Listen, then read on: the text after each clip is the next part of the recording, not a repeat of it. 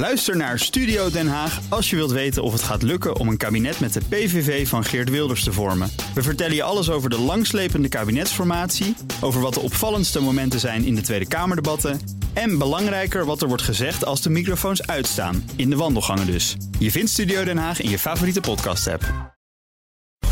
BNR Beurs wordt mede mogelijk gemaakt door Bridge Fund. Make money smile. BNR Nieuwsradio. BNR Beurs.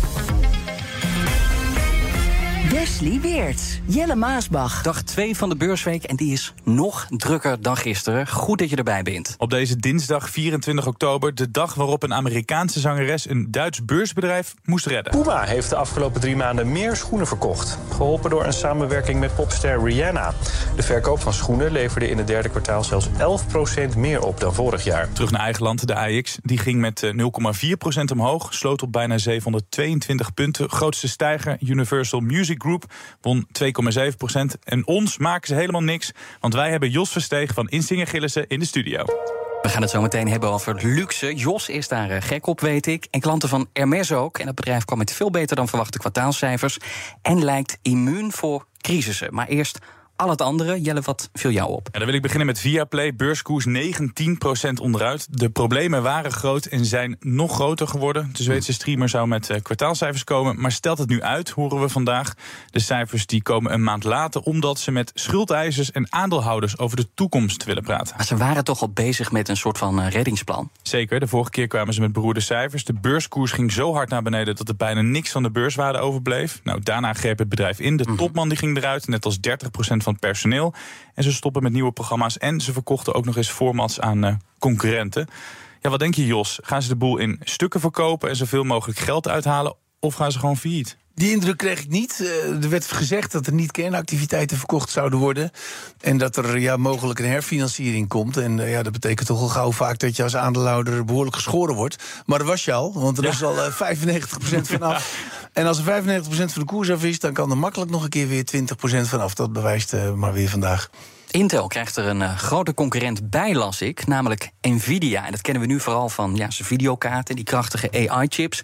Maar volgens Reuters gaat het nu ook chips voor Windows-PC's maken. En Nvidia zou stilletjes begonnen zijn met het ontwerpen van processoren, zogeheten CPU's. En daarvoor maakt het dan gebruik van de technologie van ARM. En die technologie ja, die wordt al gebruikt voor de chips in Apple-laptops. Weten we ook waarom uh, Nvidia opeens die processoren wil gaan maken? Nee, maar als je het mij vraagt, ja, dan is, worden ze een beetje onder druk gezet. Of is Microsoft in ieder geval heel erg aan het pushen. Want Microsoft ja, die wil ook meer inzetten op uh, ARM-chips... om zo beter te kunnen concurreren met Apple. En inmiddels zijn alle Macs Intel-vrij. Die draaien dus op de eigen Apple-chips. En sinds die overstap zijn die Macs krachtiger geworden... en je kunt ook nog eens langer op die batterij doen. Want ja, die batterijduur is flink verbeterd. En Microsoft hoopt denk ik dat het met Nvidia aan boord... die achterstand kan inlopen. Maar Jos, ja, dat is wat Microsoft wil. Maar welke kansen ziet Nvidia in die markt? Ja, daar zijn ze natuurlijk ook al op de servermarkt mee bezig. Uh, zij zien daar inderdaad echt wel mogelijkheden. Maar het wordt inderdaad vooral door Microsoft gepusht. Want die hebben natuurlijk een buik vol van vroeger. Uh, had je het Wintel-consortium. En daar waren ze helemaal afhankelijk van Intel. En die, die afhankelijkheid die willen ze nu niet meer. En daarom hebben ze al een tijd Qualcomm als leverancier van ARM-chips. En nu dus ook Nvidia, maar ook nog eens een keer AMD uh, die die chips maakt.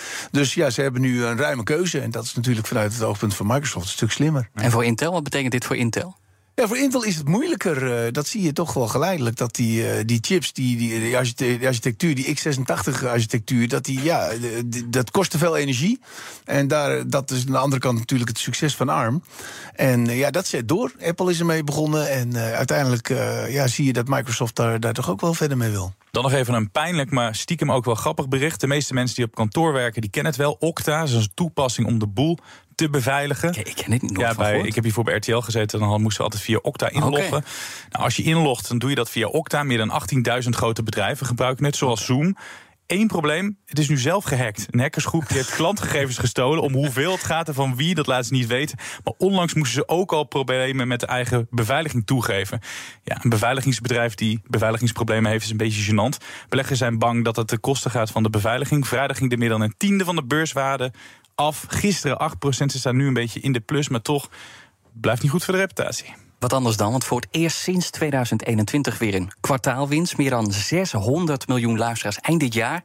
En een miljard in 2030. Jos, heb jij enig idee over welk bedrijf ik het dan heb? Nee.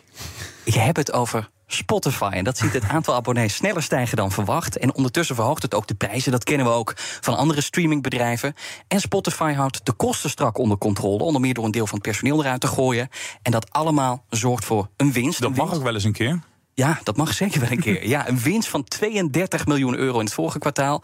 Ja, en het zorgt ervoor dat het aandeel Spotify er maar liefst 10% bij krijgt op de beurs. Vorig jaar brak Randstad records en nu ziet de uitzender al het hele jaar de omzet en winst duiken. De economie die wordt er niet beter op, dus moet je je Randstad-aandelen maar verkopen.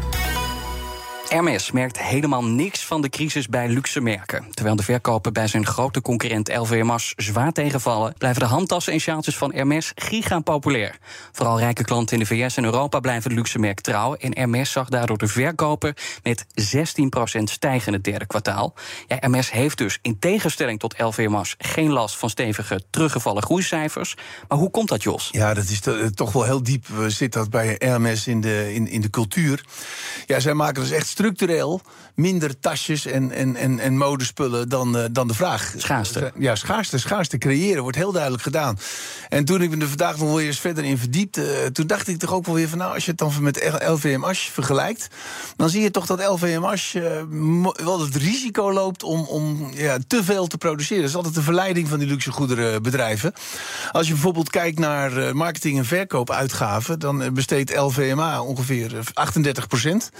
En eh, Hermes maar 30 procent. Dus die besteden daar veel minder uit. Maar ook als je kijkt bijvoorbeeld naar de logo's. LVMH heeft altijd hele grote logo's op die tasjes en alles staan. En Hermes die, die doet het allemaal een stuk stiller. Hè. Er wordt gezegd van eh, eh, authentieke luxury die fluistert en schreeuwt niet. En dat is meer de benadering van Hermes. En je ziet gewoon dat ze dat op st- structureel beter doen. Als je kijkt naar de koers over de afgelopen 30 jaar, dan heb je het over best een lange tijd.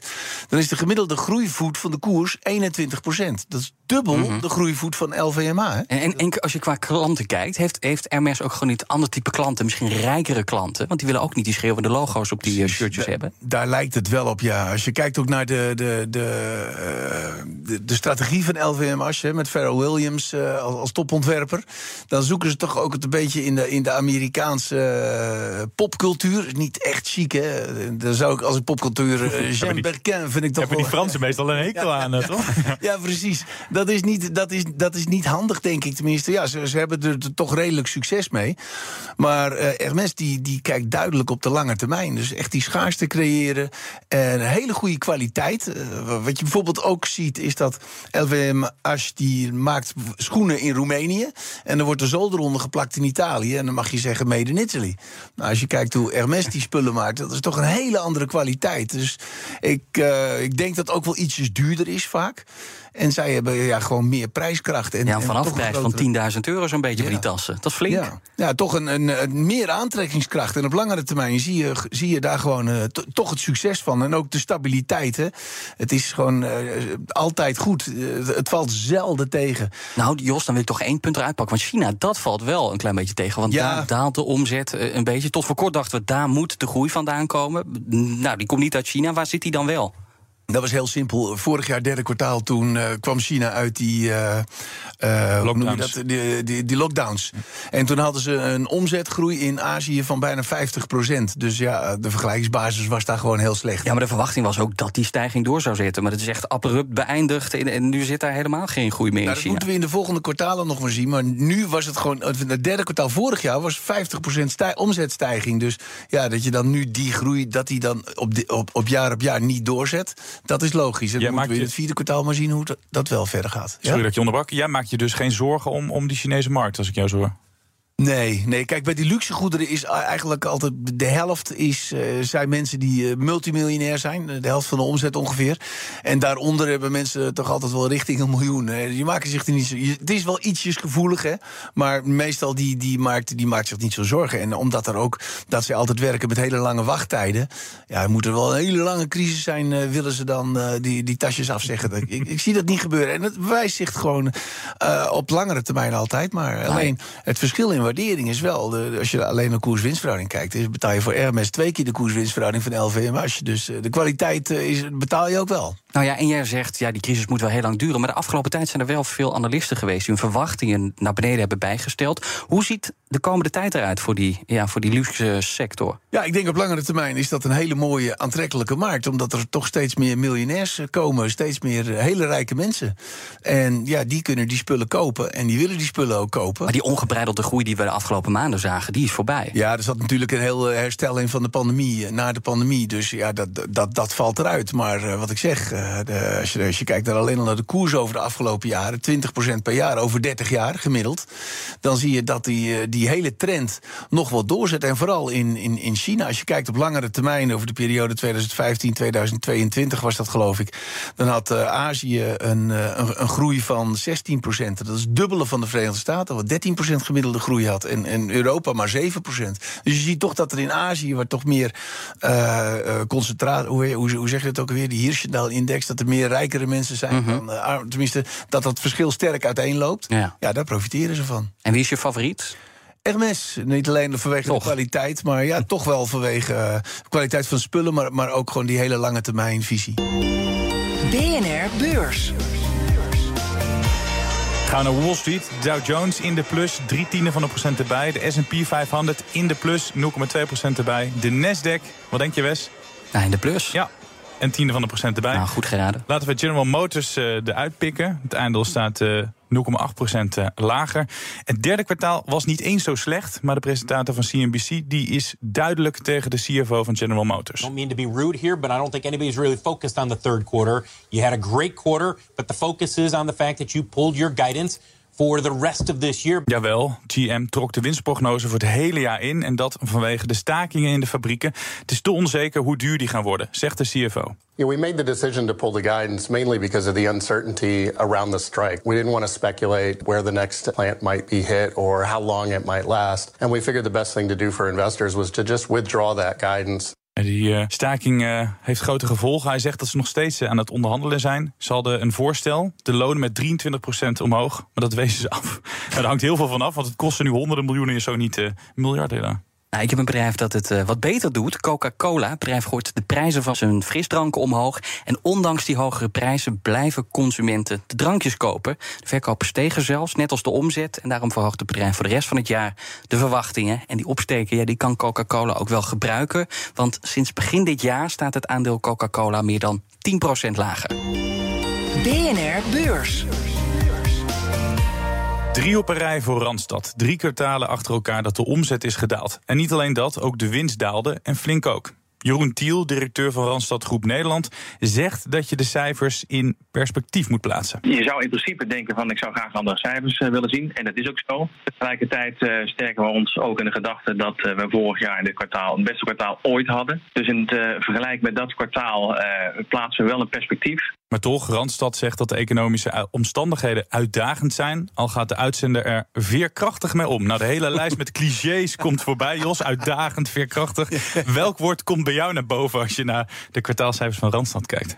Ik denk aan knappe kostenbeheersing. Dat vond ik wel goed. Uh, kijk, als je die omzet kijkt, dan krijg je het geneuzel van... Uh, was het nou organisch en of het meer ja. of minder. Maar wij kijken altijd naar de omzet per werkdag. Hè, de organische groei per ja. werkdag, per gewerkte dag. Want het verschilt enorm per, per kwartaal. En dat viel een beetje tegen. Maar als je dan kijkt naar de kostenbeheersing, dat doen ze heel goed. En, uh, het is alweer een tijdje geleden. Toen was ik analist van, van Randstad. En zij noemden het altijd field steering. Dat werkt heel goed. Kijk, ze hebben die, die intercedenten, die hebben een enorm Dat is echt heel hoog. En wat ze dan doen als ze zien dat het slechter wordt, dan nemen ze gewoon geen mensen meer aan. Dus dan vloeit heel snel al het personeel af. En dan hebben ze heel snel hun, uh, hun capaciteit aangepast aan de verminderde marktomstandigheden. Dus dat, dat werkt wel goed bij Randstad. Als er één bedrijf is dat goed weet hoe ze met hun eigen personeel daar moeten omgaan, of dat ze kunnen zien van dat er iets aankomt, dan is het Randstad zelf. Ja. Waar loopt het uh, goed als we dan kijken naar de markt? Dus niet op het gebied van kostenbeheersing, maar Waar liep het nog goed? Ja, in Europa een stuk beter dan in Amerika. Dat is eigenlijk wel verbazingwekkend, want in Amerika is de groei eigenlijk veel beter. Mhm. Zeker als je naar het derde kwartaal krijgt. Dan krijg je, donderdag krijgen we daar kwartaalcijfers van, van de Amerikaanse groei. Dat is d- 3,5, 4,5 procent of zo, geloof ik. Dus echt een stuk, stuk beter dan Europa. Maar ja, daar hebben ze toch ook wel veel meer schaarste. En daar zeg je ook de perm fees. Dat zijn de fees die ze krijgen voor mensen die ze permanent plaatsen. Die waren met 40 procent gedaald. Dus er waren gewoon geen mensen te vinden die ze permanent konden plaatsen. En dat heeft een flink effect op de bruto marge ook.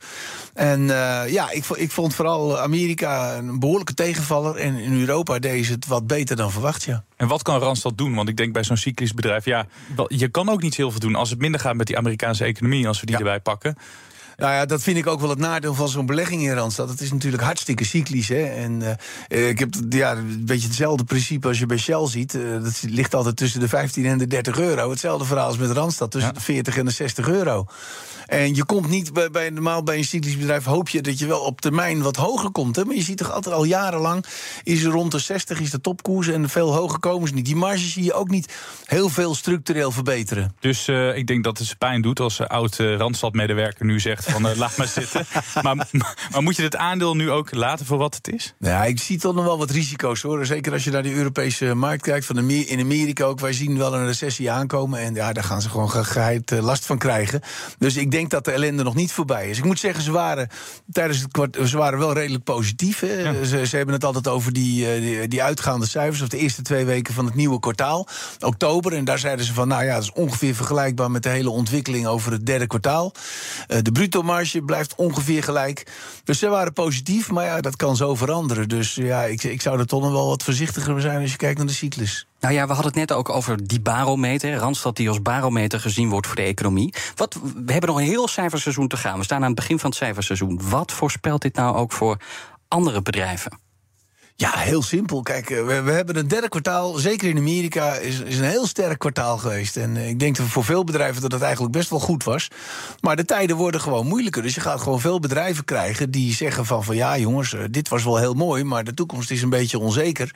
Het, is nog niet, het, het wordt nog niet helemaal beter. Kijk maar bijvoorbeeld naar ook een bedrijf dat behoorlijk gevoelig is voor, voor de cyclus ASML. Vorige, vorige week was dat, dacht ik. Die zeggen ook van ja, 2024 is een beetje onzeker. En ja, dat gaan we, dat gaan we vaker zien, denk ik. En hoe ga je daarmee om? Eh, ja, goede vraag. nou ja, wat wij doen wel in portefeuilles is, is, is toch wat defensiever gepositioneerd. In ieder geval, wij zijn onderwogen in aandelen. En, en, en we zitten toch wat meer in bedrijven die een wat minder eh, volatiliteit hebben. Dus ja, we- we- wat voorzichtiger. Dat wil nog niet meteen zeggen dat je ook voorzichtiger moet zijn met technologie. Hè. Dat wordt vaak gezegd, met die hoge rentes moet je geen technologie hebben. Maar als je kijkt naar de Magnificent Seven, ja, dat, zijn, dat kun je niet zoals die zien als die echte groeitechnologiebedrijven die nu geen winst maken en in de toekomst wel. Bedrijven hebben allemaal nu al een enorme kaststroom. Die profiteren ook, ga je zo meteen zien, van eh, artificiële intelligentie. Daar zijn ze in het vorige kwartaal, het tweede kwartaal, hebben ze het allemaal aangekondigd dat ze ermee bezig zijn. En je gaat nu in het derde kwartaal eh, de eerste eh, ja, voordelen daarvan zien, hopelijk. En dus eh, ja, voor die technologiebedrijven zou ik niet al te bang zijn. Maar ja, zeker voor heel cyclische sectoren, ja, daar moet je wel voorzichtig mee zijn. Ja. En Jos, je hebt bijna vierkante ogen van het volgen van al die cijfers, al die persberichten en, en, en kwartaalverslagen die je door moet spitten. Ik vond dit best wel, ik heb ze ook allemaal meegekregen, best wel een lastige. Want wat jij zegt, er zitten heel veel goede dingen in. Maar het grote nieuws is al voor het derde kwartaal op rij dat die omzet daalt. De koers gaat 1,9% omhoog. Het lijkt alsof beleggers dan ook niet helemaal weten hoe ze die cijfers moeten duiden. Het waren toch wel lastige cijfers. Ja, ja, ja. De, de, de meningen van. Ik heb nog wat andere analisten gelezen ook. Dat verschilde ook een beetje. De- wat er toch wel overheerste, ding, want hij opende we vrij negatief. En het schoot al vrij snel naar het positieve. Toch die, die goede kostenbesparing. Dat is die EBITDA-marge. Daar kijken echt mensen sterk naar. Die was echt een stuk beter dan verwacht. Die was 4,1 was verwacht en het werd 4,4. Dus dat doen, ze- dat doen ze heel netjes. Het is, het is een goed bedrijf. Het is een prima bedrijf. Ze, hebben, ze, ze beheersen die kosten ook altijd erg goed, vind ik. Nog wat opvallends, de topman van Randstad Nederland die ergert zich aan de verkiezingsprogramma's. Die gaan over heel veel, zegt hij, maar ze missen één ding. Het gaat wat minder over werk. En als er nou juist iets is wat toevoegt aan bestaanszekerheid, is dat werk. En daar zouden we toch heel wat eh, meer van willen horen en willen zien in de diverse partijprogramma's. Hij zegt dat willen we meer zien in de partijprogramma's. Moet die arbeidsmarkt inderdaad prominenter in de verkiezingsprogramma's? Ja, wat je, ik, ik heb dat uh, debat zondag niet gezien hoor, uh, van, van de lijsttrekkers. Maar uh, ja, een, van, een van de dingen die, die, die daar wel uitsprak, meen ik, was dat er steeds, en dat is vooral de PvdA, GroenLinks, die, die zitten daar sterk op, op vaste banen, vaste banen. En dat is nou juist waar we niet heen moeten. Dat is toch ja, een beetje de oude economie, zou je kunnen zeggen. We moeten meer naar flexibele arbeid. Ja, dat wil Randstad ook. Ja, nee, dat snap ik wel. Dat snap ik wel dat Randstad dat zegt. Maar kijk eens naar de Amerikaanse economie, die zo flexibel is, die, die zich makkelijker aanpast aan, uh, aan, aan moeilijkere omstandigheden. Dat hebben we in Europa niet. En dan zien we elke keer de gevolgen van. Kijk, vooral naar Duitsland. Kijk eens wat, wat, wat daarvoor vastgeroeste uh, manier van werken is. En daar zie je dat veel bedrijven het ontzettend slecht doen. Daar moet nog echt heel veel veranderen. Morgen weer een dag en dus ook weer een dag met cijfers. Onder meer van de grootste bierbrouwer van ons land. Na twee teleurstellende kwartalen verwachten analisten dat Heineken dit kwartaal de outlook opnieuw verlaagt. Dat deden ze eerder ook al, want Heineken was een van de weinige bedrijven die de prijzen niet kon verhogen en de verkopen zag dalen. Ook Meta, het moederbedrijf van Facebook, komt met de kwartaalresultaten. De beurskoers van Meta steeg dit jaar al met bijna 150 procent. De verwachtingen voor het derde kwartaal zijn dan ook hoog gespannen. Beleggers kijken vooral naar de inkomsten uit advertenties. Maar er zijn nog meer bedrijven die met cijfers komen. Zoals KPN, Axel Nobel, Boeing en de marken van Barbie, Mattel. Ja, dat is morgen. Jij hebt aan thuisfront al laten weten dat je later naar bed gaat. Want er komen nog een paar ja. bedrijven met de cijfers. Ja. Alphabet en... Uh... Dat wordt een onrustige nacht, Jelle. Kijk je er uit naar, uh, naar de bedrijven? Ja, tuurlijk. Ja, ja, dat is, en Alphabet. Dat is heel spannend. Die twee, kijk, die, die Magnificent Seven waar die twee toe behoren... Die hebben, die hebben de hele performance van de S&P 500 getrokken.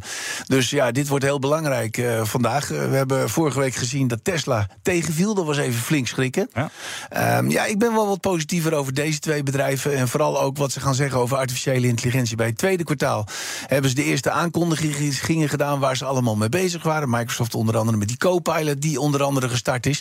Dus misschien zien we daar al wat resultaten van. En uh, vooral de verwachtingen was dan voor het vierde kwartaal van, van, wat ze daarvan verwachten. Nou ja, morgen gaan we dat natuurlijk uitgebreid over hebben in BNR Beurs. Dit was Beurs van dinsdag 24 oktober, waarin we het dus hadden over Randstad. Nou ja, dit jaar kwamen ze geen één keer met leuk nieuws. Wel leuk nieuws kwam er van luxe koning Hermes. Dat overtrof de verwachtingen, blije beleggers daar. Maar niet bij Viaplay. Weer een klap voor het aandeel. En de vraag is dus oh ja, of er nog een toekomst is voor de streamer. Wij danken onze gast vandaag, Jos Versteeg van Insing Gillissen. Succes vanavond. Dankjewel. Sterkte, ja. Tot morgen. Tot morgen. BNR Beurs wordt mede mogelijk gemaakt door Bridge Fund. Make money smile. Ook Thomas van Zeil vind je in de BNR-app. Je kunt live naar mij luisteren in Zaken doen. De BNR-app met breaking news, het laatste zakelijke nieuws... en je vindt er alle BNR-podcasts, bijvoorbeeld Het Nieuwe Geld. Download nu de gratis BNR-app en blijf scherp.